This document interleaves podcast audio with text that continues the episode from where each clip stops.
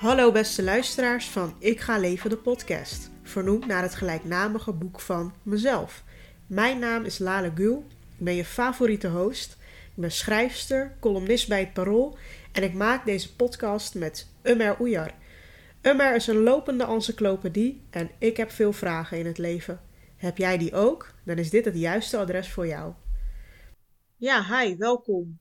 Ehm, ik krijg net een eh, berichtje van de burgemeester of ik bij haar kom aanschuiven bij het kerstdiner.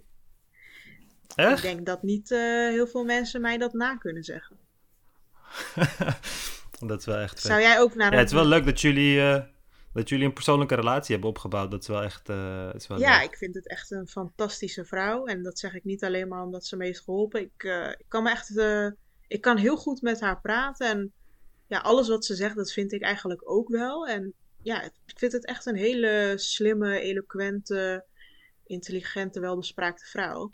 En ik vroeg me af of jij ook, uh, zeg maar, stel jij zou door de burgemeester voor een kerstdiner uitgenodigd worden. Zou je, daar, zou je dat leuk vinden überhaupt?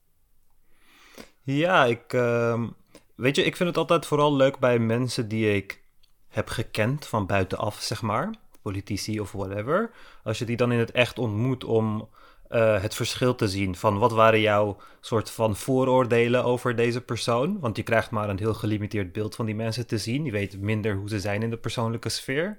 En als je ze dan in het echt ontmoet, dan is het wel leuk om dat, dat verschil uh, te merken. Dat heb ik bij veel mensen gehad. En uh, ja, ik denk dat dat bij de burgemeester ook zo wel is. Want zij heeft echt de imago van super linkse vrouw die uh, Amsterdam helemaal verpest. En alle problemen van Amsterdam komen door haar en haar linkse mentaliteit. Ja, maar ik snap serieus niet dat... uh, wat zij dan, hè, waarom dat beeld over haar heerst. Maar ja, ja. ja het is een, gewoon een zondebok. En ik denk als vrouwelijke burgemeester heb je ook meer... heb je ook indirect met dat beetje seksisme te maken met dat... Ja, je bent als vrouw ben je meer incompetent, zeg maar. Ja. Dus uh, ja, binnen een grotere zondebok, denk ik. Dat is uh, hoe mensen het zien. Volgens mij heb je ook niet echt uh, andere vrouwelijke burgemeesters. Tenminste, niet dat ik zo 1, 2, 3 weet. Hmm, ja, nee, ik ook niet. Maar goed, um, ja, minder, minder goed nieuws is dat ik weer in een relletje zit met Ismail Ilgun.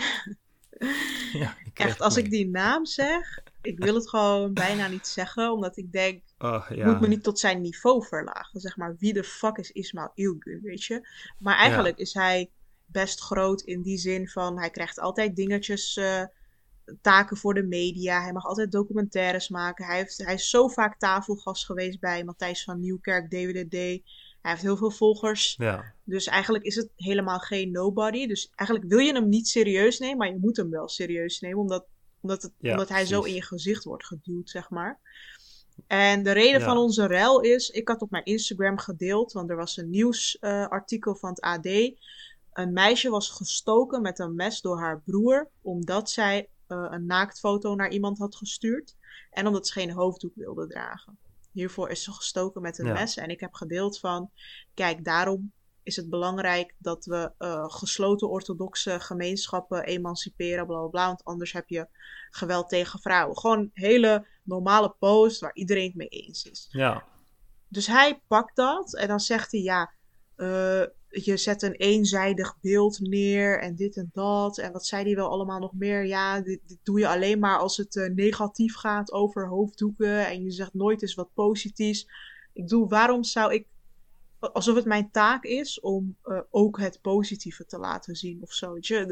Het is gewoon, het slaat gewoon nergens op. En, um, ja, maar ik, ik, denk dat ook al had je het positieve laten zien, ik denk dat het er meer gaat om, uh, weet je, dat is gewoon de mentaliteit van alle negatieve, zoveel mogelijk stilhouden. Niet uh, promoten, zeg maar, weet je. Ik denk dat dat... Ja, maar vind je dat niet eigenlijk een groot, want een heel groot deel van zijn aanhang heeft me toen heel veel haatberichten gestuurd. Mijn hele inbox staat nu vol. En die geven hem gelijk van, oh ja, je zet nooit uh, iets positiefs over Turkije of de islam of de hoofddoek. En dan denk ik echt aan, hoe denken deze mensen? Weet je, dat is... Ja, um, ja maar het, het ding is ook dat, kijk, zij creëren een heel um, bubbel waarin alle soort van, alle positieve, weet je, Turkije altijd nummer één islam grootste religie en weet ik veel wat al perfect. Kijk al deze mensen die bekeerd zijn en allemaal mooi. Het is een en al positiviteit, nul negativiteit. En wanneer jij dan de andere kant belicht, dan word jij opeens uitgemaakt voor, ja, je, doe, je laat alleen het negatieve zien. Ja, maar jij laat ook alleen het positieve zien.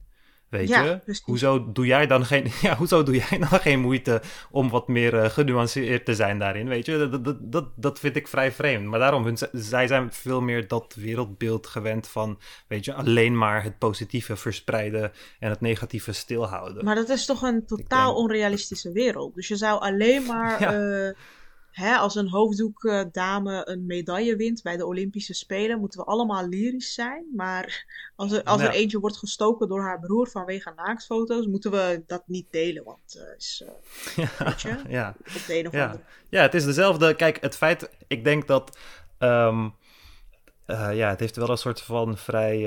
er zit wel een soort van ironie in. Kijk, dat, het zit in de cultuur om als er, om dingen achter gesloten deuren te houden. En als er dingen gebeuren die niet kunnen, om dat zo snel mogelijk ehm, te, te, te verdoven, in de, uh, weet je, hoe heet dat, te doen verdwijnen.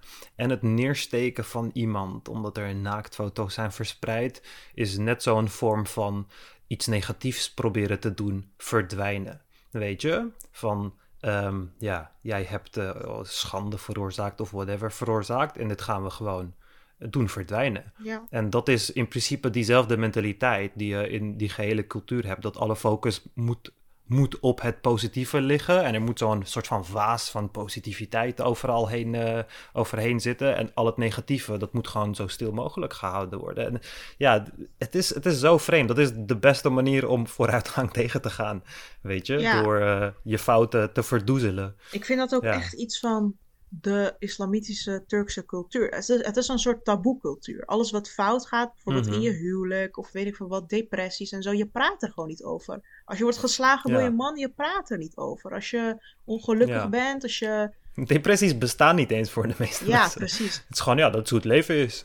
Wist jij dat de, dat de meeste Turkse vrouwen depressief zijn? Of de grootste mhm. groep antidepressiva-slikkers in Nederland zijn Turkse vrouwen? Dat wist ik niet. Ja. Het is gewoon echt... Eh, dat je denkt, hoe komt dat, weet je wel? Ja, maar het is... Ja, maar je ziet het toch wel. Ik bedoel, ik heb heel weinig gelukkige, gelukkige koppeltjes gezien. Ja. Weet je, en dan bedoel ik niet het neppe geluk. Ik bedoel geluk in, in de zin van dat je elkaar door en door kent en gewoon samen diepgaande gesprekken hebt en gewoon echt partners van elkaar bent. En weet je, de, de levens van je, de, de, de opvoeding van je kinderen bespreekt en weet ik veel wat. Weet je, gewoon echt mensen die echt samen groeien. In plaats van het hele. Weet je, je hebt wel die blije koppeltjes waarbij de vrouw dan de dienaar is en dan super blij is om dienaar te zijn. En de man is dan uh, kostwinner en die is dan super blij daarmee en weet ik veel wat allemaal. Maar echt dat echte blije, dat, dat kom je heel weinig tegen. Het is vaak dat mensen uh, zichzelf hebben overgelaten aan hun lot en daarin een soort van klein beetje blijheid proberen te vinden.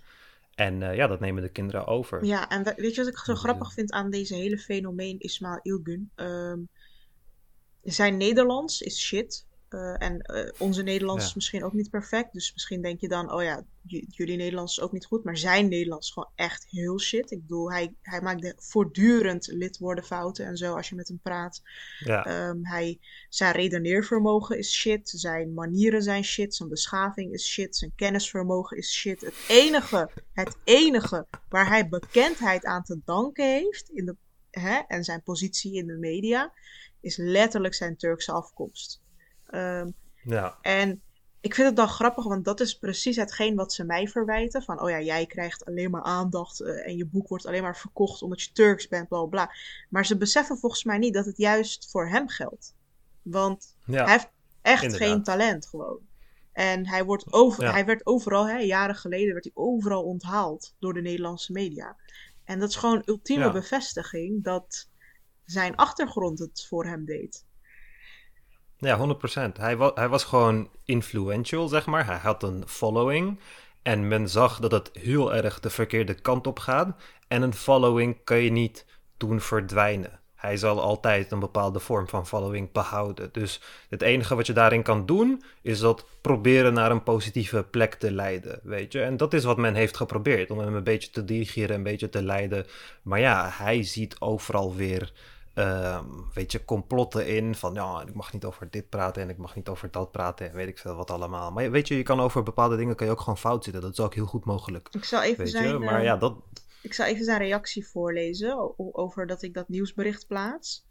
Dit zijn uitzonderingen die voorkomen. Dat geldt net zo goed voor niet-orthodoxe mensen. Dat is geen probleem van orthodoxe, orthodoxe mensen. Dit is een probleem van mensen, Lale. Stop met je pure haat naar de islam toe.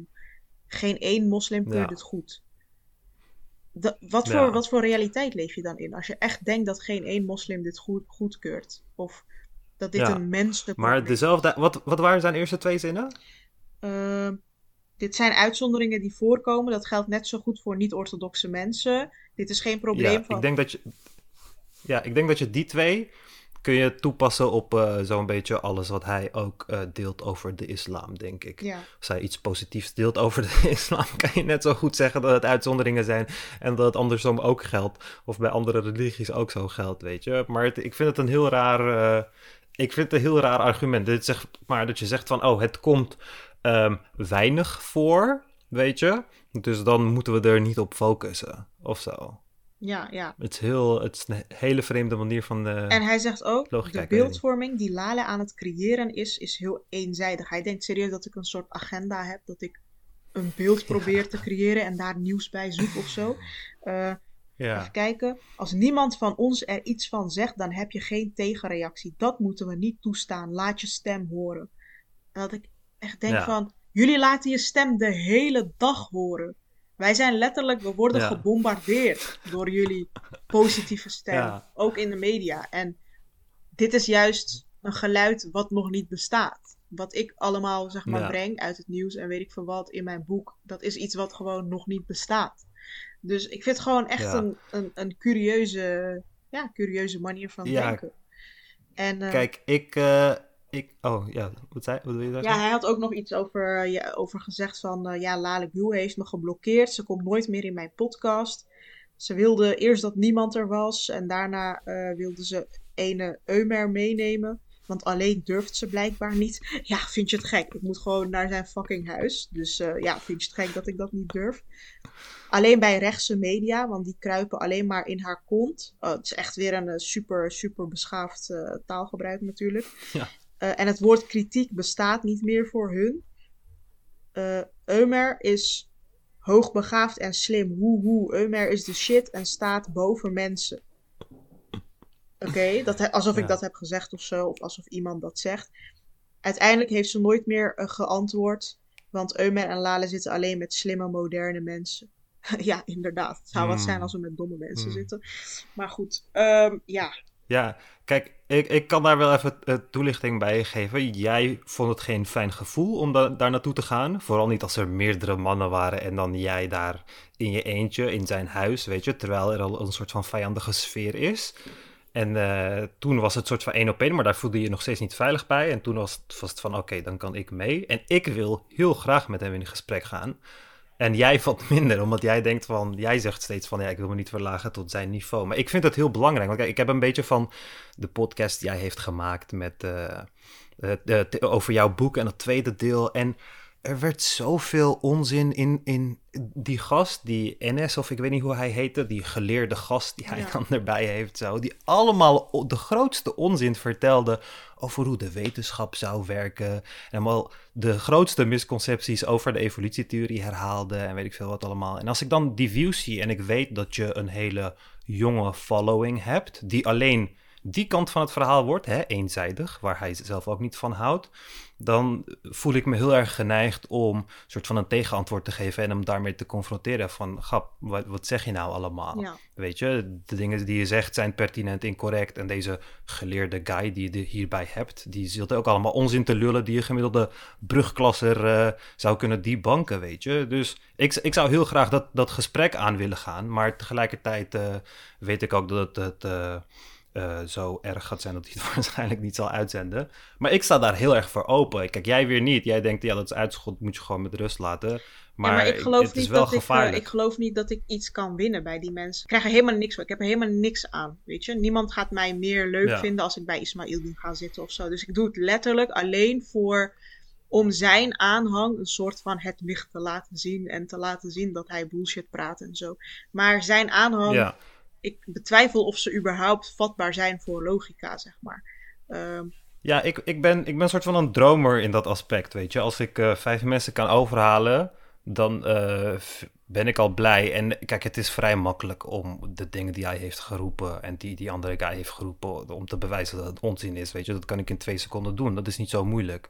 Weet je, dit, zijn dezelfde dingen. Kijk, voordat ik uh, ongelovig was hè, um, op school, was ik dan, omdat ik slimmer was, gemiddeld slimmer dan de rest, en heel erg religieus was, was ik ook zo'n slimme preacher guy. En lulde ik zoveel onzin over waarom evolutietheorie niet waar zou zijn. En weet ik veel wat. Al die apologetische argumenten die al honderd jaar herhaald worden, heb ik ze ook gebruikt. Ik, ik, ik, ik, heb ze ook gebruikt. Ik ken ze door en door. En het feit dat mensen die gewoon bijna de 30 aantikken, die dingen nog steeds herhalen. En ook nog voor een jong publiek. Dat vind ik gewoon heel erg problematisch. Want dat zorgt voor vrij veel schade op, op, de lange termijn. Weet je. Ik wil geen kinderen, ik wil geen volwassenen in de toekomst die ontzettend domme dingen gaan vragen als... oh, als mensen van apen komen, waarom zijn er dan apen? Of evolutie is maar een theorie, weet je? Dingen die je gewoon heel makkelijk kan ontkrachten. Maar dat verspreidt hij wel onder zijn publiek. En ja, ik kan mensen wel een soort van een duwtje geven in de richting van luisteren. Letterlijk die, twee seconden opzoekwerk. En je kunt al inzien waarom het onzin is, weet je. Het is niet zo makkelijk. Ik, kan, ik heb het aan duizenden mensen uitgelegd. Ik kan het ook aan honderdduizenden mensen uitleggen. Het maakt niet zoveel uit. Maar ik, ik geloof wel daarin dat dat soort mensen te redden zijn. Want ja, ja eigenlijk heb je wel gelijk. Want toen ik 15 was en ik zag dat soort filmpjes, was ik er ook vatbaar voor. Weet je, eh, vooral die Quranic uh, science uh, video's, weet je wel, met allemaal muziekjes en zo eronder. Van ja, in de Koran stond al hoe de voetis eruit zag voordat de wetenschap het wist en zo. Ik, doe, ik dacht ook van, wow, wat een miracle. En dat... Inderdaad, en, en het probleem is dat hij het eenzijdig krijgt. Kijk, hij heeft één persoon gevonden die dan ietsje slim, ietsje, wat slim overkomt zo, weet je, en die wat moeilijke woorden kan gebruiken, zich vooral heeft verdiept in, weet je, een heilig boek.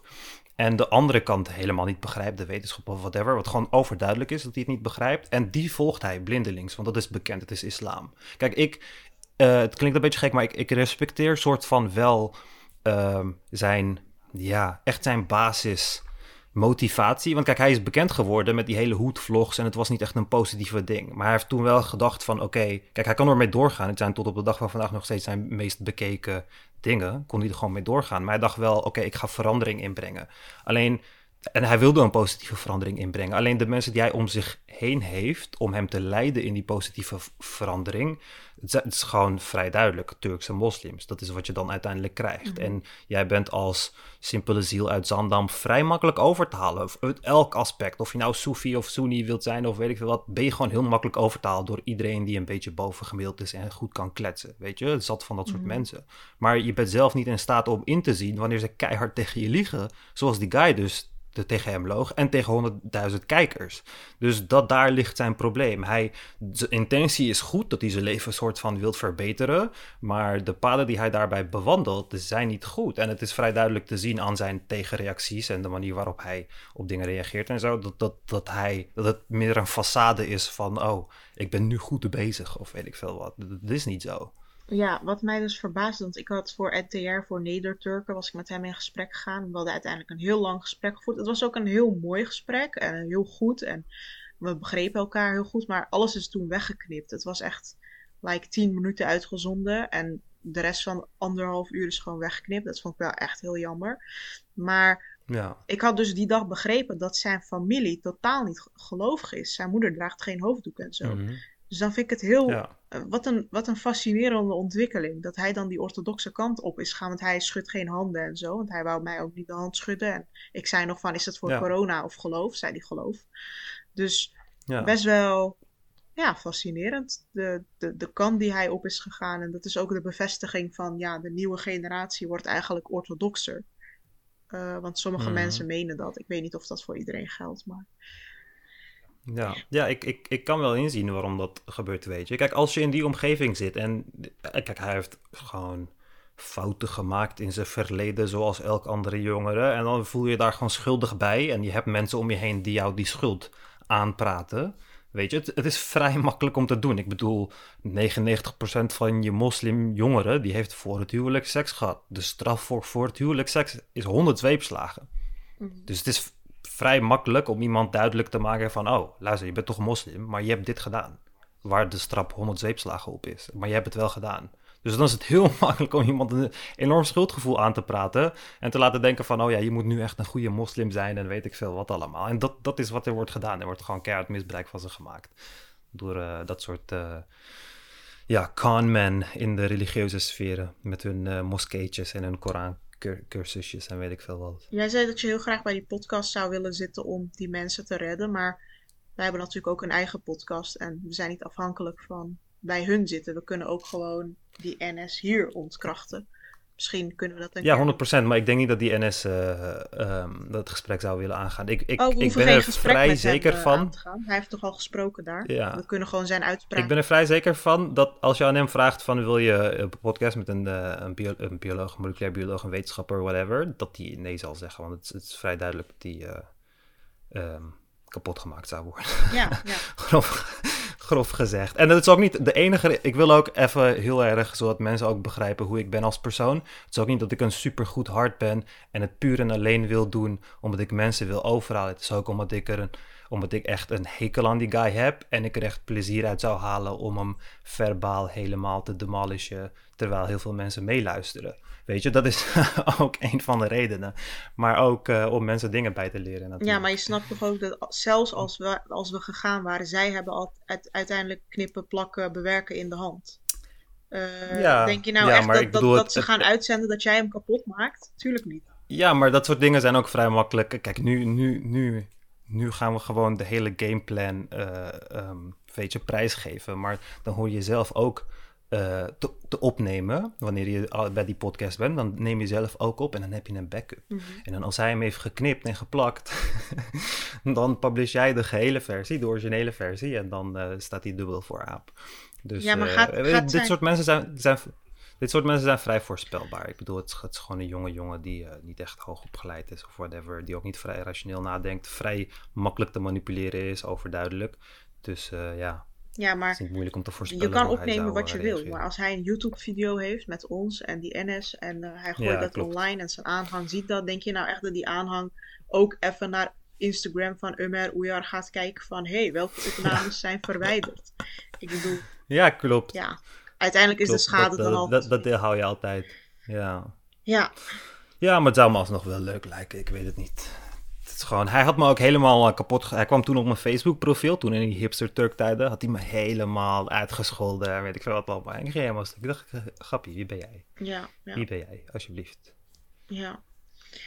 Oké. Okay, um, ehm, verder, ik was vandaag bij WNL op zondag op tv en toen werd mij ook gevraagd van uh, die ludieke actie van Kautar Bouchalikt. Dat is de, dat is een Tweede Kamerlid van GroenLinks. Uh, een ja. Marokkaans meisje met een hoofddoek. En zij had zeg maar haar eigen foto. Ik was dus verkozen door Elsevier Weekblad als Nederlander van het jaar. Dat is een hele mooie ereprijs waar ik heel blij mee ben. En zij had op haar Instagram gedeeld, zeg maar, dat ze die Elsevier met haar foto had. En dat zij uh, Nederlander van het jaar was. En dan precies die woorden die ze bij mij ook hadden gezet. Van ze is succesvol in inspiratie en uh, supersterk en zo. En hmm. ze, ze, schreef eronder van, dit is echt een bazenactie, thanks. Um, en ik vond dat best wel Kamerlid onwaardig. Ik dacht, weet je, ja. wat fuck. Ik bedoel, ben je een soort van jaloers of zo? Vind je nou dat jij het had moeten worden? Of wat is dit precies? Dus ik, ik plaatste het gewoon op Twitter van, je zou maar als Kamerlid hiermee bezig zijn. Ik bedoel, je hebt letterlijk de hoogste publieke functie die er mogelijk is in dit land. En ja. ik word hè, ik krijg een bepaalde prijs vanwege mijn boek en vanwege mijn uh, columns en zo. En dan ga je zo, ga je zo'n sneer uitdelen, weet je. Dat is gewoon super kinderachtig en gewoon slaat gewoon nergens op. En ja, dus ik heb daar toen uh, vragen over gehad op tv. Um, ik, um, ja, waarom denk jij dat zij zoiets doet? Ja, het is heel vreemd, hè? Het is vreemd dat je zo zou reageren. Het is. Um, ja, ik vind het super interessant, want het zegt wel heel veel over hoe, uh, hoe zij daarin staat. Het laat wel een vorm van um, onzekerheid zien. Het is heel gek dat je dat zou doen. Kijk, het zou je juist sieren wanneer iemand dat heeft gefotoshopt in jouw eer of whatever. Zou het je juist sieren om te zeggen van... Nee, uh, zij heeft het gewoon verdiend. Het, weet je, ze hebben haar gekozen. Weet je? Het is gewoon, ik ben niet gekozen, zij is gekozen.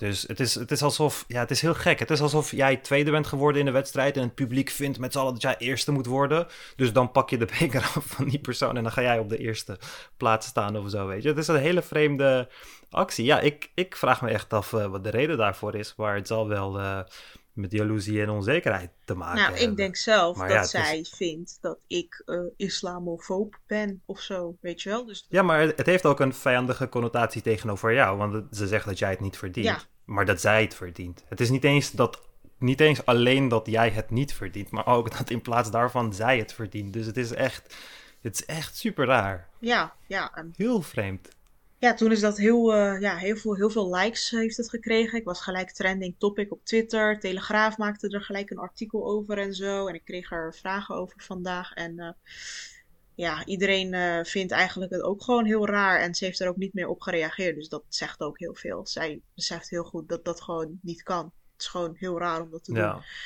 Ja. Um, dan verder, ik ga even snel de actualiteiten uh, met jou doornemen. Fonda Sahla, zij is Tweede Kamerlid voor D66, ook een Marokkaanse vrouw met een mhm. hoofddoek. En uh, ik heb een column over haar geschreven in het Parool. Die is al twee dagen de meest best gelezen column. Dus dat, uh, daar ben ik ook natuurlijk wel blij mee. Maar dat gaat over dat zij een zus heeft, Soumaya S., oftewel Soumaya Sala. En die zat bij de Hofstadgroep en heeft in de gevangenis gezeten wegens uh, medewerking aan een terroristische organisatie en wapenbezit. Mhm. Ze was ook getrouwd met een man die een aanslag wilde plegen op het EK en die, die ook gewoon lid was van de Hofstadgroep. Um, En die, um, die opgepakt is in Amsterdam met een doorgeladen machinegeweer. Dus wie weet wat hij die dag van plan was. Maar het is dus een hele problematische geval. En zij is toen gederadicaliseerd toen ze vrijkwam. Dus ze, draagt nu ook geen hoofddoek meer. Ze werkt voor de VVD bij Justitie en Veiligheid. Dus eigenlijk niks aan de hand zou je zeggen. Um, maar goed, Wilders die wist dat niet. Dus hij twittert op een gegeven moment van... Uh, ja, hoe komt het nou dat de zus van iemand uit de Hofstadgroep uh, gewoon vrijuit in de kamer rondloopt. En die zus uh, ook uiteindelijk. Die Sumaya die kan ook gewoon in de kamer rondlopen. Um, want hè, ze is gederadicaliseerd. En niemand stelt mij op de hoogte, terwijl ik op de dodenlijst sta van de Hofstadgroep. En daarvoor al jaren 24-7 beveiligd word. Omdat ik gebruik maak van de vrijheid van meningsuiting. Artikel 7 van de grondwet. Dus hoezo ja, word ik niet op de hoogte gesteld? Dus ik snap uh, ik snap zeg maar beide kanten. Want ze is gewoon gederadicaliseerd. Dus je zou denken, ja, waarom zou je Wilders op de hoogte brengen? Uh, er is toch niks aan de hand. Aan de andere kant, hij denkt gewoon van... Uh, weet je, hij is gewoon verbaasd. Hij is in shock. Hij, is in shock. hij denkt, hoe moet ik nou zeker weten dat ze gederadicaliseerd is? Dat, daar moet ik maar op vertrouwen, weet je wel? het kan net zo goed zijn dat ze me hier neerknalt. En ik snap dat hij niet per se dat vertrouwen heeft. Weet je, je moet er maar op vertrouwen dat iemand is, normaal is geworden. Ehm, ja, inderdaad. Ja, toen heb ik daar ik vind het, uh, Ik vind het net zo uh, moeilijk als jij het zegt. Het is wel echt... Het is een moeilijke inderdaad. Maar ik denk dat... Eh, hm, ik denk dat er wel een soort van... Ja, het is een beetje lastig om dat te doen. Ik dacht van een bepaald verbod opleggen wanneer er zulke verbanden zijn dat je niet aan de politiek mee kan doen of weet ik veel wat allemaal. Maar het is lastig, want kijk, Wilders hoort dat niet. Het is vrij, uh, dat zal mensen vrij snel paranoia maken. Wilders verdient het niet om tijdens zijn werk, zeg maar, uh, daarmee geconfronteerd te worden. Ik denk dat dat je vrij snel gek kan maken. Mm en tegelijkertijd verdienen die mensen het ook niet om geen kans te krijgen. Of de ander niet om kans, dat kansen ontnomen worden omdat haar zus iets doms heeft gedaan. Of weet ik wat. Het is een hele lastige. Maar ik denk dat je, ehm, ja, een van de kanten niet echt uh, blij gaat krijgen door... Ja, je, je moet of het recht ontnemen dat ze mee kunnen doen aan het soort van politiek... Uh, aan de Tweede Kamer en weet ik veel wat. Of je moet uh, ja, ze gewoon hun gang laten gaan en Wilders moeten er maar aan wennen. Maar ja, dit zou wel echt een van de gekste assassination attempts zijn als hij nu door een van die twee ja. omgelegd zou worden. Dat zou wel echt uh, een heel uh, doordacht plan zijn. Dus dat denk ik niet. Maar uh, ja, het lijkt me niet fijn om daartussen te werken. Nee, het is, ja, zeker. Het lijkt me heel raar. Het, het is alsof je zegt van... bijvoorbeeld mijn bedreiger. Ik heb ook een rechtszaak gehad met iemand die zeven maanden heeft vastgezeten omdat hij mij foto's van wapens heeft gestuurd. Alsof je zegt, oh ja, hij is gederadicaliseerd, ga maar met hem werken. Ik zou dat ook niet, ik zou dat niet doen hoor. Uh, Dus ja, het is... het is gewoon een heel lastig dilemma. En je hebt echt partijen die elkaar niet snappen, zeg maar. Je hebt bijvoorbeeld de ene kant zegt, hoe de fuck kan iemand die getrouwd was met een terrorist en die zelf in de gevangenis heeft gezeten voor terroristische, hè, uh, voor uh, wapenbezit en medeplichtigheid. Hoe kan zo iemand nog bij justitie en veiligheid werken, in de politiek en in de Tweede Kamer rondlopen? Dus je hebt mensen die gewoon helemaal error krijgen hiervan.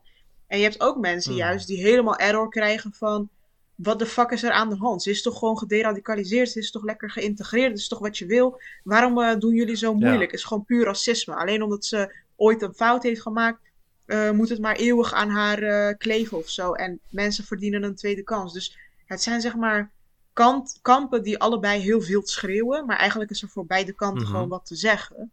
Want als je bijvoorbeeld bij de politie wilt werken en jouw broer is in de gevangenis geweest, kom je ook niet bij de politie. Ja, precies. Dus het is, het is best wel logisch dat.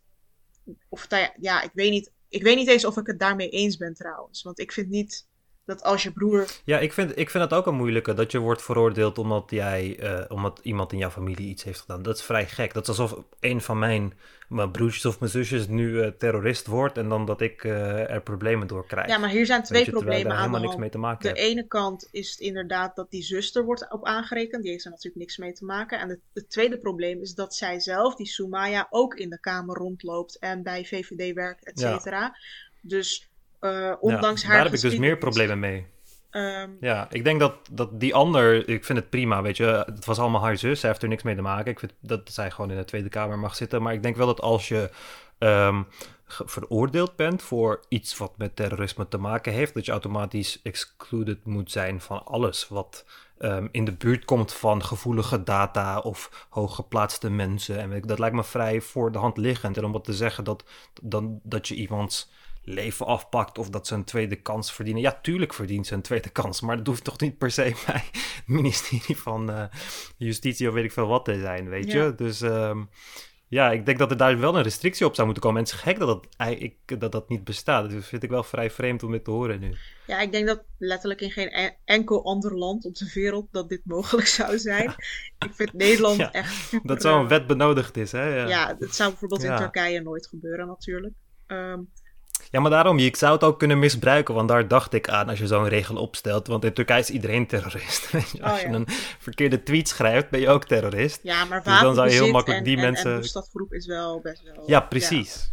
Precies, ja. Dus hier hebben we dat probleem veel minder. Dus uh, dat hele slippery slope gaat minder op. Maar uh, ja, dat is echt, dat is echt, uh, ja, ik, ja dat, ik vind niet dat ze die functie mag, uh, beoefenen als ze in de bak heeft gezeten voor terrorisme. Je kan prima elk ander baantje op de hele wereld doen.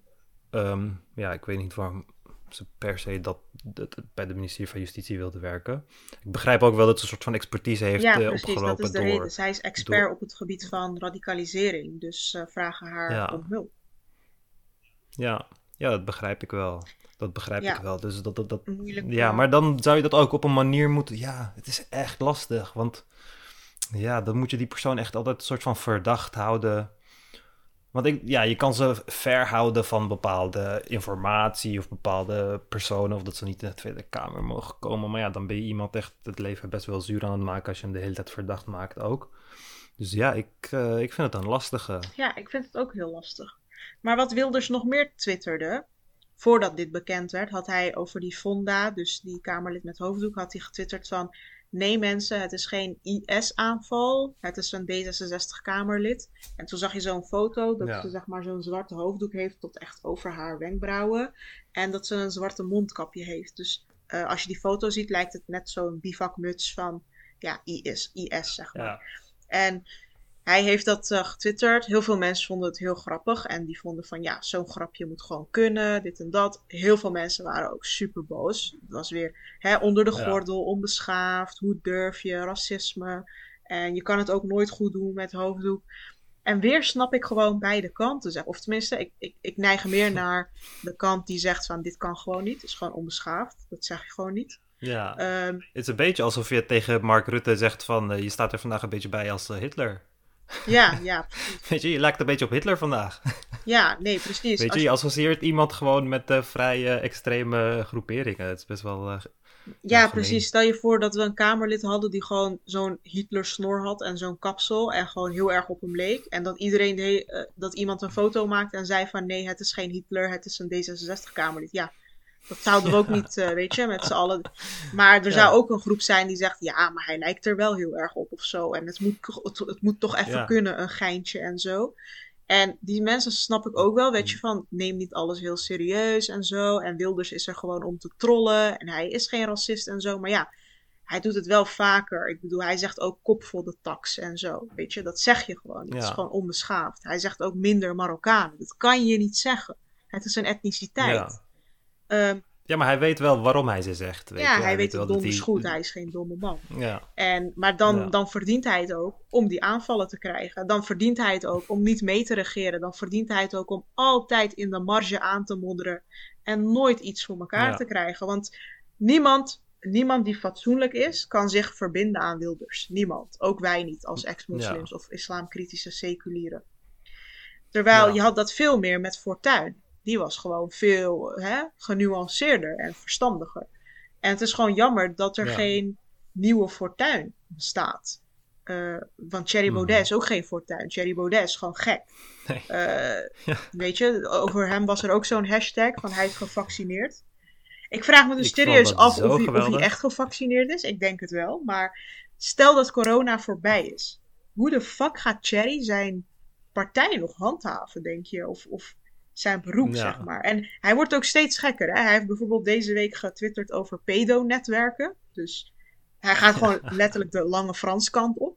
En ja, hij had, hij had eergisteren ook getwitterd van in de hoeveelste vaccin zou, uh, zouden ze eindelijk een chip erin stoppen. Zodat je niet meer een QR-code hoeft te overhandigen, maar ze gewoon kunnen scannen of je bent gevaccineerd. ja, precies. Dus hij wordt gekker en gekker. De volgende stap is gewoon platte aarde theorie, illuminatie, graancirkels, reptielen. Dus kijk, daarom denk ik dat hij uh, niet is gevaccineerd. Want hij zou gevaccineerd zijn als hij ehm, ervan bewust is dat hij liegt. Weet je? Maar het lijkt er echt veel meer op dat hij gewoon aan het doordraaien is en ook daadwerkelijk de dingen begint te geloven. Daar lijkt het veel meer op. Kijk, bij Wilders kun je wel merken dat hij bepaalde dingen heel tactisch doet en zegt. Weet je? Maar Baudet draait echt door. Soms is hij echt, lijkt het alsof, bijna alsof die guy in een psychose zit. Helemaal bezweet en wild. Ja. Gaat hij iets over iets doordraven zo, weet je? Dus ja, ik, ik weet niet waar het aan ligt. Ja, maar drugsgebruik, wel, uh, denk ik. ja, ik weet het niet. En kan jij aan mensen zien of ze drugs gebruiken? Um, ja, sommige drugs zou je wel kunnen zien. Van sommige mensen wordt gezegd dat ze stijf staan van de kook. Bijvoorbeeld Hugo de Jonge wordt daarover wordt dat gezegd. Maar ik zie het ja, niet, maar, ik heb daar geen oog voor. Ja, maar het, is, het, is, het zijn altijd... Kijk, als je het heel vaak voor de camera verschijnt, dan is het vrij... Kijk, soms zie ik er ook uit alsof ik helemaal doorgesnoven heb. Maar dan heb ik gewoon een, geen goede nachtrust gehad, ja. weet je. Dus ja, ik denk niet dat je daaruit... Kijk, je zou echt meerdere dingen moeten doen. Uh, zoals, uh, weet je, naar de pupilgrootte kijken en weet ik veel wat allemaal. ja, maar daar wordt ook naar gekeken. Van, hij zou grote pupillen hebben of zo. Ja, precies. Maar als je dus... Um, bijvoorbeeld in een donkere omgeving bent en je hebt grote pupillen en er wordt opeens een foto van je gemaakt met een flash, dan is het op die foto heel fel, maar dan zijn je pupillen nog steeds groot. Ja. Terwijl ze bij fel licht klein zouden zijn, dus dan lijken ze wat groter. Dus ja, ik, ik, denk, ik denk niet uh, dat die mensen zo gek zijn dat ze uh, tijdens... Het zou ook kunnen hoor, ik weet het niet. Maar uh, dat zou wel vrij snel lekken, denk ik, als zoiets het geval was. Ik vind sowieso dat je die mensen moet drugs testen hoor, 100%. Niet alleen drugs testen, ook gewoon cognitieve capaciteit testen en scientific literacy testen en weet ik veel wat. Dat moet gewoon gebeuren. Um, dus ja, maar ik denk niet dat, dat ze voor de camera helemaal doorgesnoven gaan verschijnen. Dan verschijn gewoon niet voor de camera. Je weet toch wel dat je doorgesnoven bent. Ja, ja. Oké, ik werd ook gevraagd deze week of ik uh, me wilde verbinden aan een soort uh, week van de mediawijsheid. Dat is in het leven geroepen om meer bewustzijn bij jongeren te creëren over mediagebruik. Omdat dat nu best wel hè, normaal mhm. is. Iedereen zit de hele dag op de telefoon.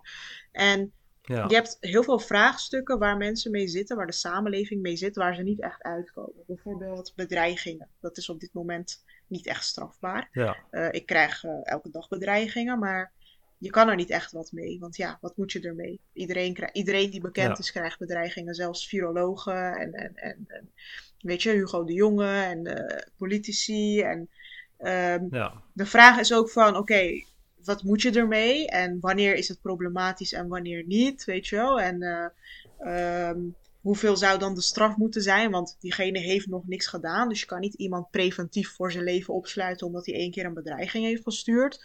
Dus het zijn allemaal hele mhm. moeilijke vraagstukken. En ze vragen dan aan mij van wat vind jij dat er moet gebeuren? Want ik wind me natuurlijk heel erg op over de bedreigingen die ik krijg. Ik vind gewoon dat je die mensen echt wel moet kunnen straffen. Ik vind het gewoon heel raar dat iemand mij gewoon met de dood kan bedreigen. En dat diegene geen, geen consequenties ondervindt. Terwijl ik met angst moet leven, weet je wel, omdat ik er heel veel krijg. Ehm, ja. Ik vraag me af hoe jij daarnaar kijkt. Zou dat strafbaar moeten zijn of valt dat onder vrijheid van meningsuiting? Ja, kijk, het is heel lastig. Want kijk, internet is op zo'n manier ingesteld dat het vrij makkelijk is om anoniem te zijn. En het is denk ik die anonimiteit die ervoor zorgt dat mensen bereid zijn om um, wat feller, wat agressiever te reageren. Ehm, dus het, ook al zou je het verbieden, zou het toch steeds vrij makkelijk zijn om jou te bedreigen en volledig anoniem te blijven. Weet je, Instagram-account met een VPN. Nee, maar dan kunnen ze dat opsporen. Ja, maar je kan het, als je een Instagram-account gewoon met een VPN maakt, dan is dat echt onmogelijk op te sporen. Um, Weet je, die, als... die bedreiger van mij, waar ik een rechtszaak mee had, had ook een VPN. Ja, ja, maar dat is gewoon een domme, dat is gewoon een domme Turk. Die heeft gewoon op zijn telefoon een Instagram-account of zijn eigen Instagram-account gebruikt, die er anoniem uitzag en daar vandaan. En dan kan de politie gewoon bij Instagram opvragen wat het IP-adres was. En dan via het IP-adres komen ze bij het adres. Maar als jij een VPN gebruikt, dan kun je gewoon een IP-adres uit Vietnam gebruiken. En dan is het. Kijk, het is op het internet heel erg uh, tenminste voor als je er een beetje verstand van hebt. Maar het is nu wel wat makkelijker met VPN's en zo. Is het vrij makkelijk om anoniem te zijn. Dus dat ga je uiteindelijk altijd krijgen. Uh, dus dat is een beetje lastig. Maar, en om het, kijk, ik denk wel dat je het moet verbieden. Maar de hoeveelheid bedreigingen die iemand binnenkrijgt, kan krijgen, is echt immens. Als jij uh, een bekend persoon bent, dan is de hoeveelheid bedreigingen die jij binnenkrijgt, dat zou het, het strafrechtelijk systeem enorm belasten, denk ik, als het allemaal een aanklacht zou zijn. Weet je? Dus um, ik denk wel dat je een soort van grens moet kunnen stellen van wat, is, wat gaat te ver en wat gaat niet te ver. Weet je, er is een verschil van um, dat uh, je tijdens een verkeersruzie tegen iemand zegt: Ik maak je dood. Weet je, of dat je echt bij iemand in het gezicht komt en zegt: van luister, binnenkort ga ik jou opzoeken. En dan snij ik jouw keel door of zo. Weet je, het zijn twee hele verschillende dingen. Dus er moet een soort van onderscheid gemaakt worden in reële bedreigingen en gewoon iemand die boos is en wat doms roept. Um, dat is wel uh, belangrijk, denk ik. Want kijk, ik ben opgegroeid op het internet en doodsbedreigingen zijn een van de normaalste dingen op het internet. En is de reden waarom ik, ik heb destijds ook honderden bedreigingen ontvangen. Ik heb er nooit aangifte van gedaan, omdat ik altijd dacht van ja, ik heb dat al mijn hele leven, weet je, dat doet mij niks. Ik neem dat net zo serieus als uh, toen we vroeger op, uh, op de basisschool tegen elkaar zeiden van oh, straks op schoolplein maak ik je dood. weet je, dat was voor mij niet echt heel bedreigend. Maar Totdat je echt iemand tegenkomt die wel gek genoeg is om dat te doen. Dus uh, het kan vaak genoeg fout gaan. Je hebt in Amerika bijvoorbeeld het concept van swatting. Dat hebben wij hier niet. Dat is bij, ook op het internet begonnen. Wanneer mensen dan aan het livestreamen zijn op plekken zoals Twitch, dan bellen mensen anoniem met een anoniem telefoonnummer naar de politie. En dan claimen ze dat ze net uh, hun vrouw en kinderen hebben vermoord. En dat ze nu hun laatste kind gaan vermoorden. En dan komt er een SWAT-team de deuren openbreken. En uh, dat gebeurt heel vaak. En uh, meerdere mensen zijn er ook aan dood gegaan omdat het SWAT-team binnenkomt en dan uh, ja, raak je gewoon uh, neergeschoten op de een of andere manier. Dus die dingen gebeuren en die dingen gaan blijven gebeuren. En het is heel lastig om daar een goed werkend soort van ja, wetsysteem voor te bedenken. Maar ja, dat gaat wel moeten gebeuren. Maar het zijn echt een van de grote dit en soort van vrijheid van meningsuiting en privacy op het internet en zo. Het zijn echt ja, problemen die we niet makkelijk gaan kunnen oplossen, denk ik. Maar wat vind je ervan dat bijvoorbeeld mensen zeggen, ja, anonimiteit moet verdwijnen? Je moet gewoon met je ja, ik, ja, echte naam of DigiD of zo in. Ik zie de voordelen ervan in. Ik zie de voordelen ervan in, maar tegelijkertijd zijn er ook enorm veel nadelen. En we zijn nou eenmaal begonnen met een systeem dat jou die anonimiteit biedt. Dus dan is het heel moeilijk om dat af te pakken van mensen. En het, is, het zou ook vrij onmogelijk zijn om um, anonimiteit helemaal onmogelijk te maken. Weet je, ik kan ook gewoon jouw identiteit op het internet stelen en dan ben ik ook anoniem als het ware. Dus ehm, mensen die er verstand van hebben, zullen altijd wel manieren vinden om anoniem te, zijn. Maar ja, ik vind niet dat dat, dat, dat, moet kunnen, zeg maar. Die anonimiteit, dat is wel echt super chill. En uh, vooral in landen waar je onderdrukking hebt en weet ik veel wat. En je wilt niet een, uh, dat het uh, met één zoekopdracht vrij makkelijk te zien is... wat jij de laatste tien jaar allemaal op het internet hebt gedaan, weet je. Dat is vrij problematisch, denk ik. Ja, ja maar bijvoorbeeld zo'n VPN is toch best... dat kun je toch best ja. tegengaan of zo, of verbieden. Ja, precies. Kijk, met, een VP, met de huidige manier kan je dat gewoon doen. Je kan gewoon een nep Facebook-account maken, een nep Instagram-account. Je kan zo nep nummers kopen, anonieme nummers, anonieme e-maildiensten, VPN's, uh, proxies, het dark web, weet ik veel wat, door. er zijn heel veel manieren om jezelf te anonimiseren. Dus die zullen dan soort van uh, geband moeten worden als je naar een internet wilt waar um, je gewoon een standaard identiteit hebt. Hoe je op, dat je op het internet inlogt met jouw identiteit die dan gekoppeld is aan je paspoort en weet ik veel wat. Maar ja, ik vind dat niet een fijn idee. Ik ben, um, ja, dat, dat, dat strijkt een beetje tegen mijn wensen van hoe het internet in elkaar moet zitten. Maar ik zie wel de noodzaak voor dat soort dingen. Kijk, het zou wel handig zijn om dat soort dingen te doen op bijvoorbeeld een social media platform. Weet je? Want als jij uh, het is sociale media. Hè? Het, het hoorde uh, vanaf het begin, het concept ervan hoorde te zijn dat jij gewoon met je voor- en achternaam erop zou gaan en weet ik veel wat. En uiteindelijk is het veranderd in weer anonimiteit. Weet je, er zijn allemaal uh, Twitter-accounts en weet ik veel wat allemaal. Niemand heeft enig idee wie erachter zit. Dus voor social media lijkt het me wel een beetje logisch. Maar dan nog kunnen je social media uitspraken weer gekoppeld worden aan je identiteit en weet ik veel wat allemaal. Ja, er is gewoon geen manier om het goed te doen. Die anonimiteit moeten we gewoon altijd behouden. Dat uh, is gewoon echt, ja, denk ik wel een soort van verplicht om uh, ervoor te zorgen dat ik geen misbruik van wordt gemaakt van jouw digitale spoor als het ware. Maar vind je niet dat bedreigingen strafbaar moeten worden? Ja, jawel, maar daarom, je moet echt die onderscheid kunnen maken tussen die reële bedreiging en geen reële bedreiging, weet je. Want ja, en dat is moeilijk. Kijk, iemand die jou, die jou foto's van wapens stuurt, natuurlijk. Ik zou gelijk, weet je, dan is het logisch dat die persoon, dat is een reële bedreiging. Maar iemand die zegt, ik maak je dood. Maar hoe, hoe, wat is het onderscheid dan? Alleen omdat de ene plaatjes zijn en de andere woorden? Ja, nou, omdat mensen, um, wij zijn emotionele wezens. En als we soort van een beetje anonimiteit hebben, dus achter een toetsenbord verschuilen en we zijn boos, dan is het gewoon vrij logisch om gewoon iets doms te roepen. Ja, maar weet je, net zoals als je kan het wel, ja, je als jij... wel klassificeren als gewoon iets doms, maar het is best wel beangstigend voor heel veel mensen als je als heel veel mensen gewoon iets doms zeggen.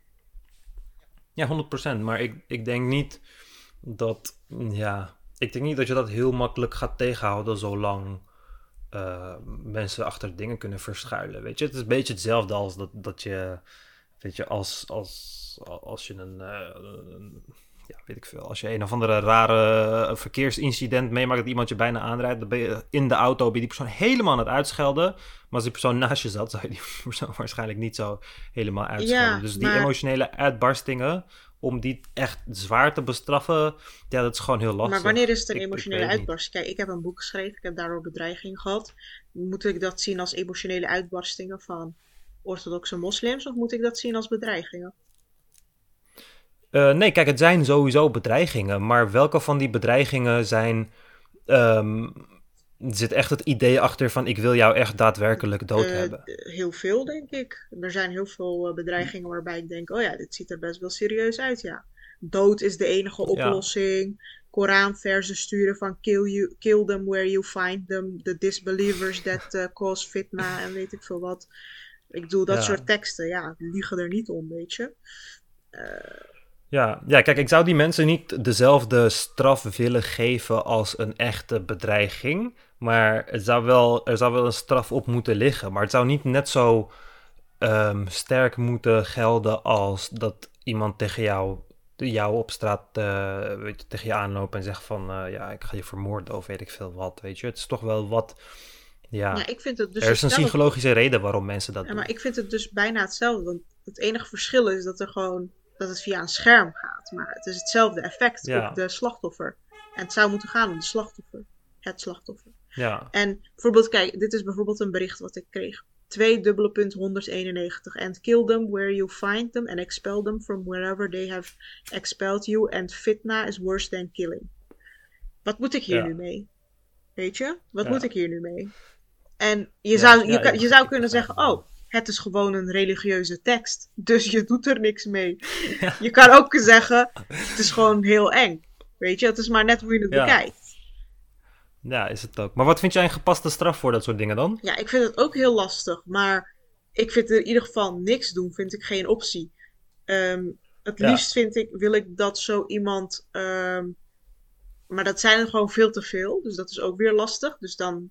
Je hebt niet eens zoveel mankracht bij de politie. En het kost allemaal handenvol geld om daar allemaal rechtszaak voor te maken, et cetera.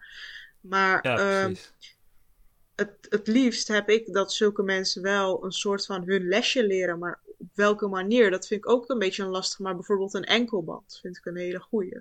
Of, of dat je een strafblad krijgt of zo. Maar ja, dat vinden mensen al heel streng dat ik, als ik dit zeg. Um, ja. Maar met een enkel... enkel... Nee, een taakstraf leek mij meer gepast. Ja, maar kijk, een taakstraf helpt het slachtoffer niet. Dat is gewoon voor een slachtoffer is dat, oh ja, dan is hij over een paar uurtjes weer vrij, weet je. Maar een enkelband laat mij zien dat ik veilig ben en dat niemand mijn kant op komt. Hmm. Ehm, kijk, bijvoorbeeld, er is ook laatst een recht. Ja, dat is heel. Uh, er is ook laatst een rechtszaak geweest, omdat uh, ene Wassim, dus hij was uh, Marokkaans, maar hij had een andere naam, een soort Nederlandse naam of zo. En daarmee ging hij weer Duk en allemaal telegraafjournalisten en Esther Food en het CIDI. CIDI is een Israëlische organisatie die voor mhm, Joodse mhm. belangen opkomt.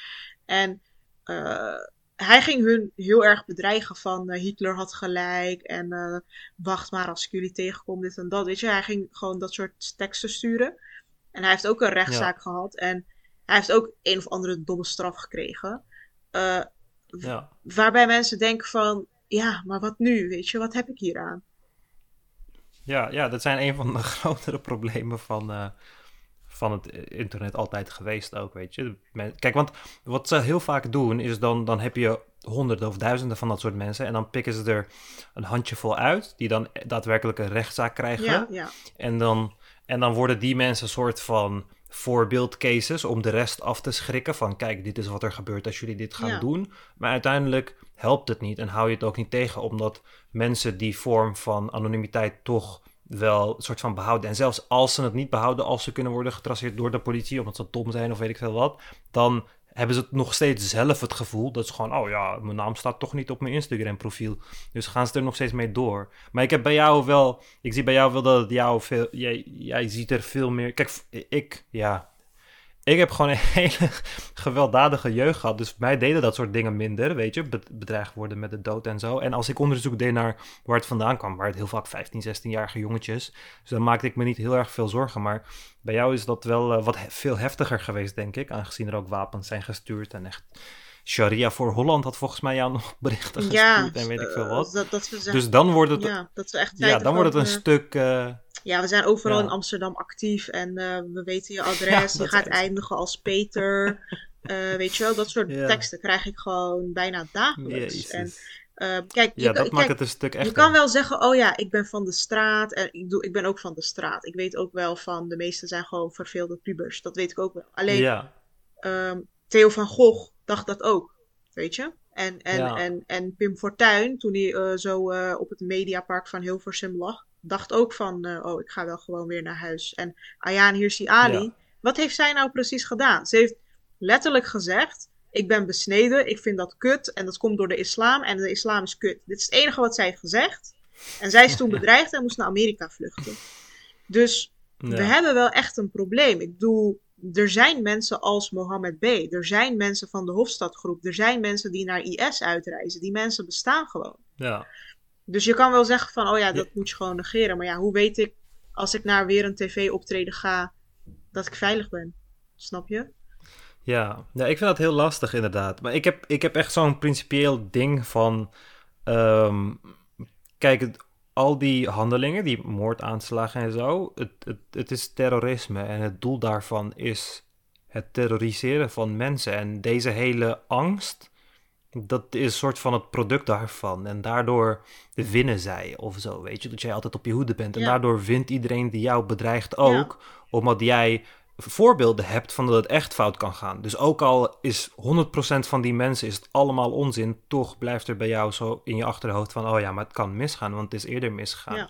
En dat, ja, dat is een soort van macht die ze over je hebben, die, ja, die ik ze niet gun, als het ware. En daardoor uh, neem ik het wat lichter op. Maar natuurlijk is jouw positie wel wat, uh, ja, jij zit in een meer soort van fragile positie. Ja, maar mijn positie wordt ook dus, uh, steeds erger. Want kijk, het is eerst was het alleen boek. Toen waren het ook nog elke week columns. Toen was het ook nog deze podcast. Maar deze podcast is op zich hè, prima. Maar um, nu komt er ook nog een verfilming van het boek. Die op Netflix mm komt. Dus ja. je kan je wel voorstellen wat dat mij gaat opleveren. Er bestaat letterlijk geen film op Netflix die zo'n thema behandelt. Ik heb nog nooit een film gezien waarbij iemand met een hoofddoek, weet je wel, dingen gaat doen en uh, seksuele dingen gaat doen en zo. Weet je, dat bestaat gewoon niet. En, en, en uit haar geloof wil stappen en zo. Dus het is, een, het is iets, iets wat voor het eerst gaat gebeuren. En dat heb ik op mijn naam staan. En dat, die film kunnen ze internationaal zien, hè? Dus niet alleen Nederland. Ja, ja het gaat vrij veel. Uh ik denk dat je niet alleen van Sharia voor Holland uh, eh, DM's krijgt, maar ook Sharia voor Syrië. Ja, precies. precies. En ja, dan, dan, echt, uh, dus dan, kijk, op, uh, wanneer die film uitkomt, krijg ik duizenden bedreigingen. En dan kan ik wel zeggen, oh ja, ik ben van de straat en het zijn waarschijnlijk verveelde pubers. Maar ja, je kan ook zeggen, oh, wat als er een gek tussen zit. Uh, er zijn zelfs mensen van Pakistan naar Nederland gekomen om een aanslag bij Amsterdam Centraal te plegen, omdat Wilders een cartoonwedstrijd heeft georganiseerd. De ja. overlever van Charlie Hebdo, Zineb El Razoui, die Marokkaanse vrouw, die toevallig niet op de redactie aanwezig was toen Charlie Hebdo werd gebombardeerd, die is nog steeds de meest beveiligde vrouw van Frankrijk. Samuel Paty, die een cartoon had laten zien in de klas, is onthoofd. Uh, ja. Ik bedoel, hoeveel. Salman Rushdie heeft nog steeds geen normaal leven vanwege zijn boek De Duivelsverzen. En in Siwas is een hotel, de Madumak Hotel, is, is in de brand gestoken. omdat ze de duivelsverzen aan het bespreken waren, weet je Het gaat heel ver. Het gaat heel ver. En je hebt heel veel idioten op de wereld. Dus ja ik zou, ik zou wel willen dat dat bestraft wordt. Ik zou wel willen dat die mensen niet, uh, niet zonder consequenties en zonder kleur, kleerscheuren ervan afkomen en dat ik uh, stress heb ervan. Het is een beetje een omgekeerde mhm. wereld, vind ik. Want slachtoffer. Ja, ik zou. Uh, ja. Ja, ik, ik denk, kijk, het is belangrijk. Daarom, ik, ik wil wel dat, dat, on, dat die onderscheid gemaakt wordt. Weet je, ik heb er minder problemen mee als iemand gewoon, weet je, één keer per jaar tegen iemand ik maak je dood zegt. Of iemand die systematisch mensen bedreigt. En weet ik veel wat allemaal. En ja, je zou eigenlijk een systeem moeten hebben die dat kan herkennen, weet je.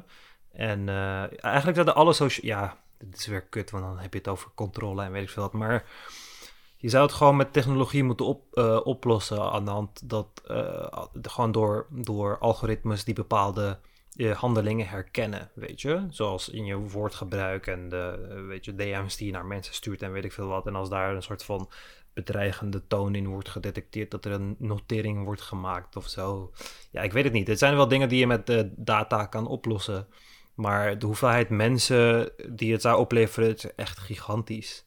Want uh, de hoeveelheid mensen die bedreigingen uiten op het internet, als je kijkt naar alle verschillende platformen, het is echt. Ja, je hebt Telegram groepen van wappies die echt uh, dag en nacht bezig zijn om uh, je, allemaal moordfantasieën op alle politici, de journalisten en weet ik Ja, het is ook, ik snap ook heel goed dat ik kan dit wel wensen en ik kan het wel willen. Maar in de realiteit is het natuurlijk bijna onmogelijk. Ik bedoel, als je uh, voor Zwarte Piet bent, krijg je bedreigingen. Als je anti-Zwarte Piet bent, krijg je bedreigingen. Als je Erika ja. Meiland bent, krijg je bedreigingen. Als je Sylvana Simons bent, krijg je bedreigingen. Dus als je Femke Halsema bent, weet je, het, iedereen krijgt ja. bedreigingen. Bij Jort Kelder zijn ook ooit de ramen ingegooid gegooid, heb ik van hem gehoord. En als je Jan Roos en Dennis hebt van Roddel Praat, die krijgen ook bedreigingen, weet je. Ik bedoel, ja, ja, wie ga je dan beschermen? Welke bedreigers ga je aanpakken? Voetballers krijgen, oh, als je voor uh, Feyenoord bent, uh, kan je nog bedreigingen krijgen, weet je wel. Dus, uh, ja. Maar bijvoorbeeld een schadevergoeding zou ik ook wel een,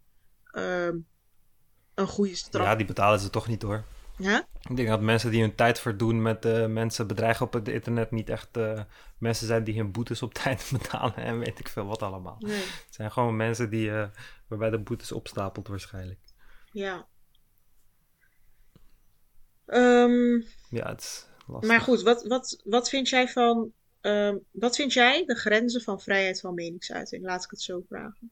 Is dat voor jou oproepen tot geweld? Of is het al eerder? Dus bijvoorbeeld belediging en zo, hate speech, wat ze dat noemen. Want bijvoorbeeld Trump is, is, geblokkeerd op Twitter. Omdat hij fake ja. nieuws zou verspreiden. En zo bijvoorbeeld over die verkiezingen. En hij is ja, maar je hebt geen free speech op Twitter, hè? Huh?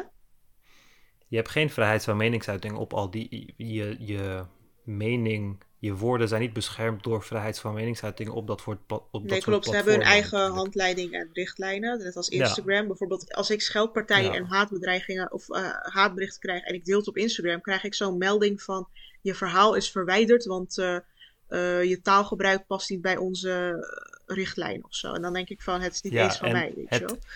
Het, ja, het mooie daarvan is, is dat ze dus een algoritme hebben die tekst herkent op jouw stories. En dan, niet alleen tekst, maar ook dingen als wapens en bloed en weet ik veel wat allemaal, die dat herkent en dan blokkeert. Maar datzelfde filter hebben ze niet in het DM-systeem omdat de DM's privé zijn als het ware. Ja. Dus dat zou een privacyprobleem zijn als je die ook door een algoritme zou halen. Maar het zou wel heel goed uitkomen. Want het zou ervoor zorgen dat je dickpics automatisch kan herkennen en kan blokkeren. Dat je bedreigingen automatisch kan herkennen en blokkeren. Foto's van wapens en weet ik veel wat. Dus dat, datzelfde systeem kan je wel op een DM-systeem gooien om die dingen eruit te filteren. Maar dan haal je wel iedereen hun persoonlijke berichten door zo'n filter. En dat brengt weer privacy concerns met zich mee, zodat dat niet kan. Maar dus over dat hele uh, vrijheid van meningsuiting op, op uh, het internet. Kijk, op het internet is het sowieso onmogelijk om een platform te hebben die 100% vrijheid van meningsuiting heeft. Want het zorgt uiteindelijk dat je dan een soort van platform verandert waar voornamelijk porno, kinderporno en spam op te vinden is. En meer niet. Mm -hmm. Weet je? Dus dat is uh, elk. er is geen enkel platform. Er is geen enkel beschaafd platform op het internet waar een soort van uh, porno helemaal vrij is en je alles mag delen en weet je wat. Je moet soort van rechten erop zetten, want hoe evil de, de menselijke geest ook is, op, op internet is hij veel meer soort van evil, mede door die, um, door die anonimiteit. Dus als je kijkt naar platformen die hele losse regels hanteren, zoals 4chan en zo, dat is echt het moeras van het internet, weet je. Heel veel problemen die we in de wereld ervaren zijn daar vandaan gekomen al tien jaar lang. Waarschijnlijk wel wat langer. Dus het is, het is onmogelijk om dat te doen. Dus je moet bepaalde richtlijnen hebben. En tegelijkertijd weten we ook dat. Um, kijk, je kan zeggen. Je moet een grens hebben bij oproepen tot geweld. Maar ik kan. Zonder te oproepen tot geweld. kan ik toch geweld oproepen in mensen. Op de een of andere manier. Indi indirect, zeg maar. Weet je? Dus je kan. Um, mensen wijsmaken dat um, weet je, iets niet goed is voor hun kinderen. Zoals antivaxers, weet je, voor de coronacrisis, echte antivaxers die hun kinderen voor niks vaccineren. Weet je, dat zorgt uiteindelijk voor letterlijk kindermishandeling, omdat heel veel kinderen er uh, uiteindelijk uh, ja, slecht van afkomen. Maar ja, je doet niks. Je vertelt de mensen alleen van, oh, dit is schadelijk voor je en weet ik veel wat allemaal. Dus je hebt heel veel van dat soort voorbeelden waarbij mensen heel makkelijk te overhalen zijn. Mensen zijn gewoon uh, psychologische machines die met wat mooie woordjes heel makkelijk te manipuleren zijn. En dat uh, is heel erg rampant tegenwoordig. Het is vrij. Kijk, we zien dat politici, letterlijk, letterlijk Donald Trump, de leider van de grootste wereldmacht van de wereld, de grootste onzin kan verspreiden op het internet. En die guy heeft dan miljoenen followers. Meer mensen zien, zijn tweets dan welke show op tv dan ook. Dus dan heb je opeens een het werelds grootste megafoon waar dan iemand achter staat die onzin verspreidt. En dat kan heel gevaarlijk zijn. Weet je, we zien de laatste jaren dat conspiracy theories steeds uh, meer uh, gemeengoed worden. Ze, verspreiden steeds, steeds meer, steeds meer mensen geloven in bepaalde dingen. Dus dat moet je wel tegengaan, want anders gaan mensen daar misbruik van maken. Dus je, zal, je zult altijd wel een vorm van censuur moeten hebben. Maar tegelijkertijd gaat dat ook heel veel argwaan opwekken. Want dan is het van, oh, ze hebben dit verwijderd, want dat was, was waar, weet je. Oh, Baudet zei dit en toen hebben ze het verwijderd dat het moet zijn omdat het waar was en ze de waarheid willen onderdrukken. En niet omdat wij dom zijn en er waarschijnlijk in gaan geloven en dat ze het voor ons eigen best wel hebben verwijderd. Weet je, dus dat, dan kom je tegen een probleem. En, maar tegelijkertijd kunnen die companies ook hun eigen politieke voorkeuren hebben en strenger zijn voor rechts dan links of andersom. Dus ja, maar daar zijn ze vrij in. Weet ja, maar sommige mensen zeggen ja, maar eigenlijk kunnen ze. Uh, het waren ooit companies en zo, maar nu zijn ze zo groot dat zeg maar. Ja. Dat het door iedereen gebruikt wordt. En dat, dat je gewoon. Uh, ik bedoel, stel je hebt een mening die op YouTube niet mag, die op Facebook niet mag, die op Insta niet mag en die op Twitter niet mag. Dan dan moet je je eigen websiteje oprichten waar niemand op zit. Dus dan heb je een soort van indirecte. Ja, maar dat doen ze ook.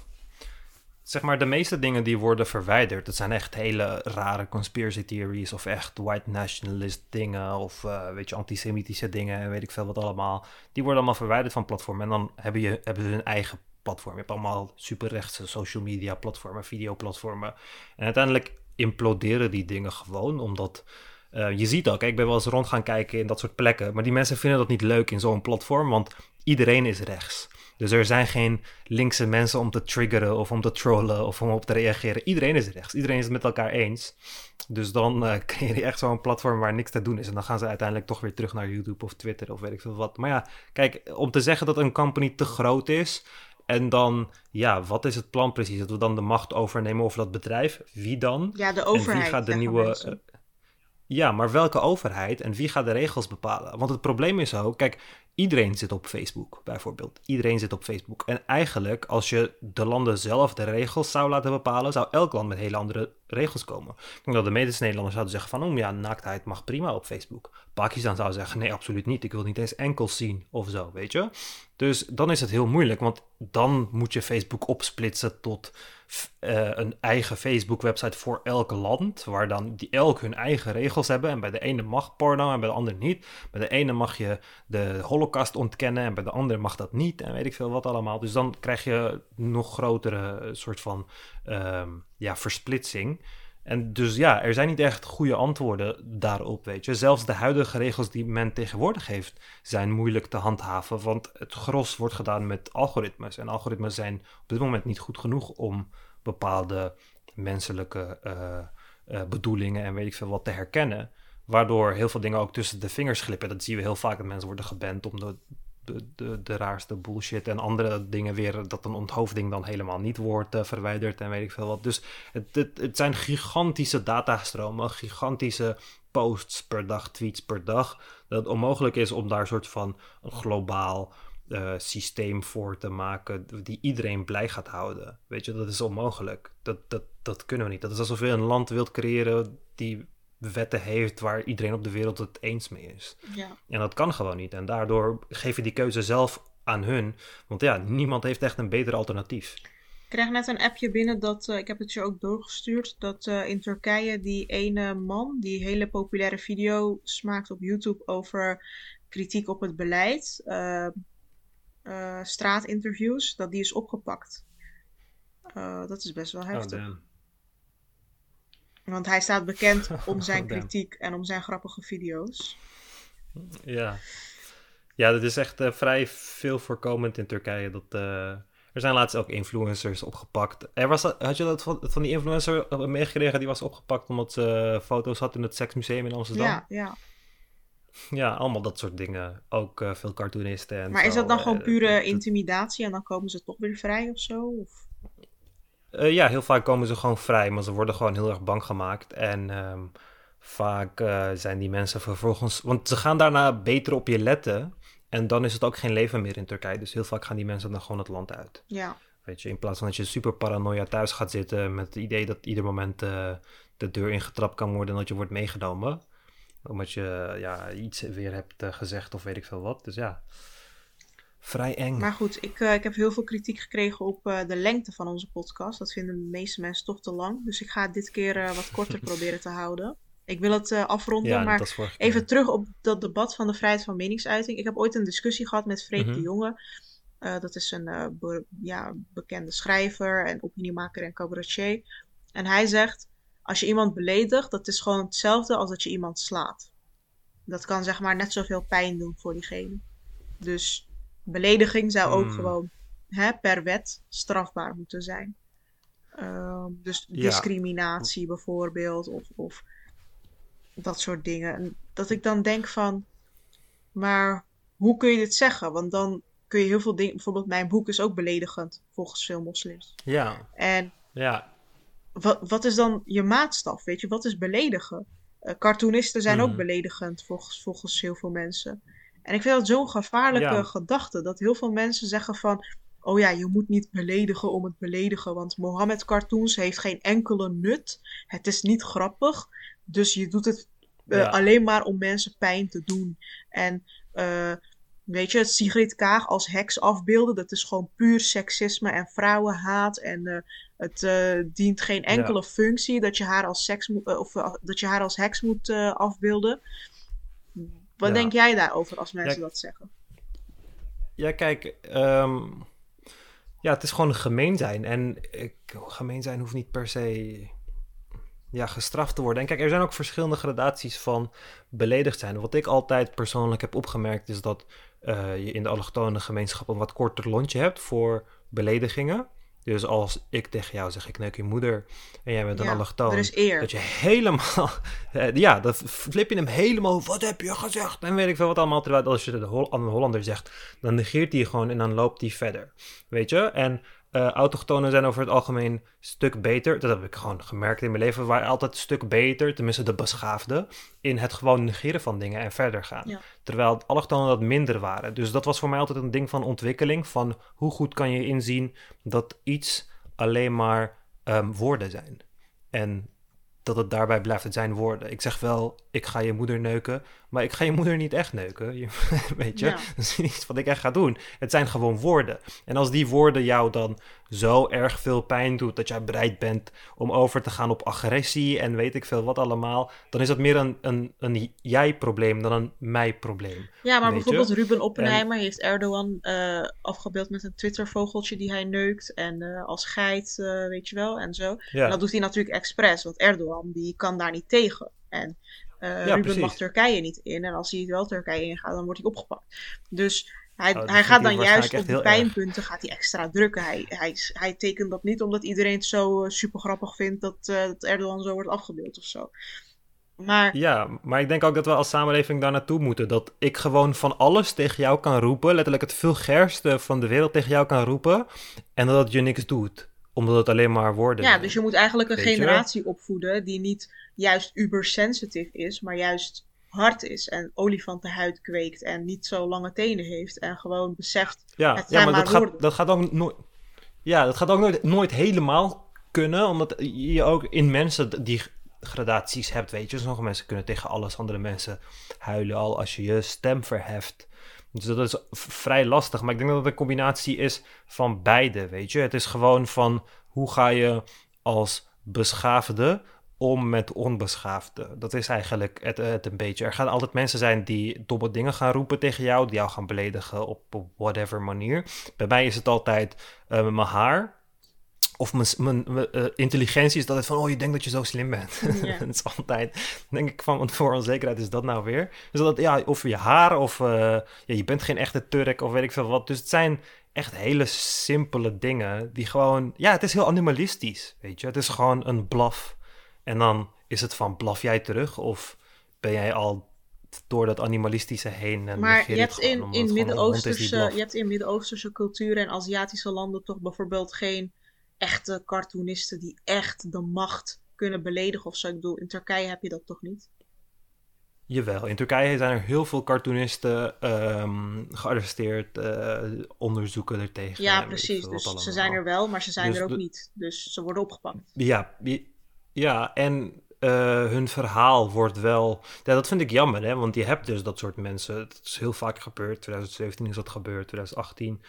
En het haalt uh, het, nieuws niet tegen. En dat vind ik heel jammer. Terwijl het, mijn inziens, toch wel een soort van belangrijker is om het in dat soort landen te verdedigen dan in een land als Frankrijk of zo. Weet je, niet, uh, niet om Charlie Hebdo te, niet te doen, maar dat het soort van veel belangrijker is om dat in, zo'n land zelf te doen en dat daar soort, soort van te waarborgen en te beschermen en weet ik veel wat. Ik vind het heel jammer dat het niet is gebeurd. Maar je hebt op zich nog wel, ze hebben nu heel goed geleerd wat ongeveer de grens is en uh, ja, ze blijven vlak uh, bij, op, op die grens staan, zeg maar. Dus, uh, maar ja, cartoonisten zijn over het algemeen ook vrij hardhoofdige mensen die niet vrij zwichten voor dat soort dingen. Dus ja. Ja. Oké, dan uh, ga ik het hierbij afsluiten, anders wordt het weer veel te lang. En uh, yes. dan uh, hoop ik je snel weer te spreken bij de volgende aflevering. Yes, dat was hem voor vandaag. Als jullie tot het einde hebben geluisterd, zijn jullie de real OG. Laat ons vooral weten wat je ervan vond. Stuur vooral nieuwe suggesties voor de volgende afleveringen. Dat kan op Instagram. eumer-34 of @lalegul met drie a's.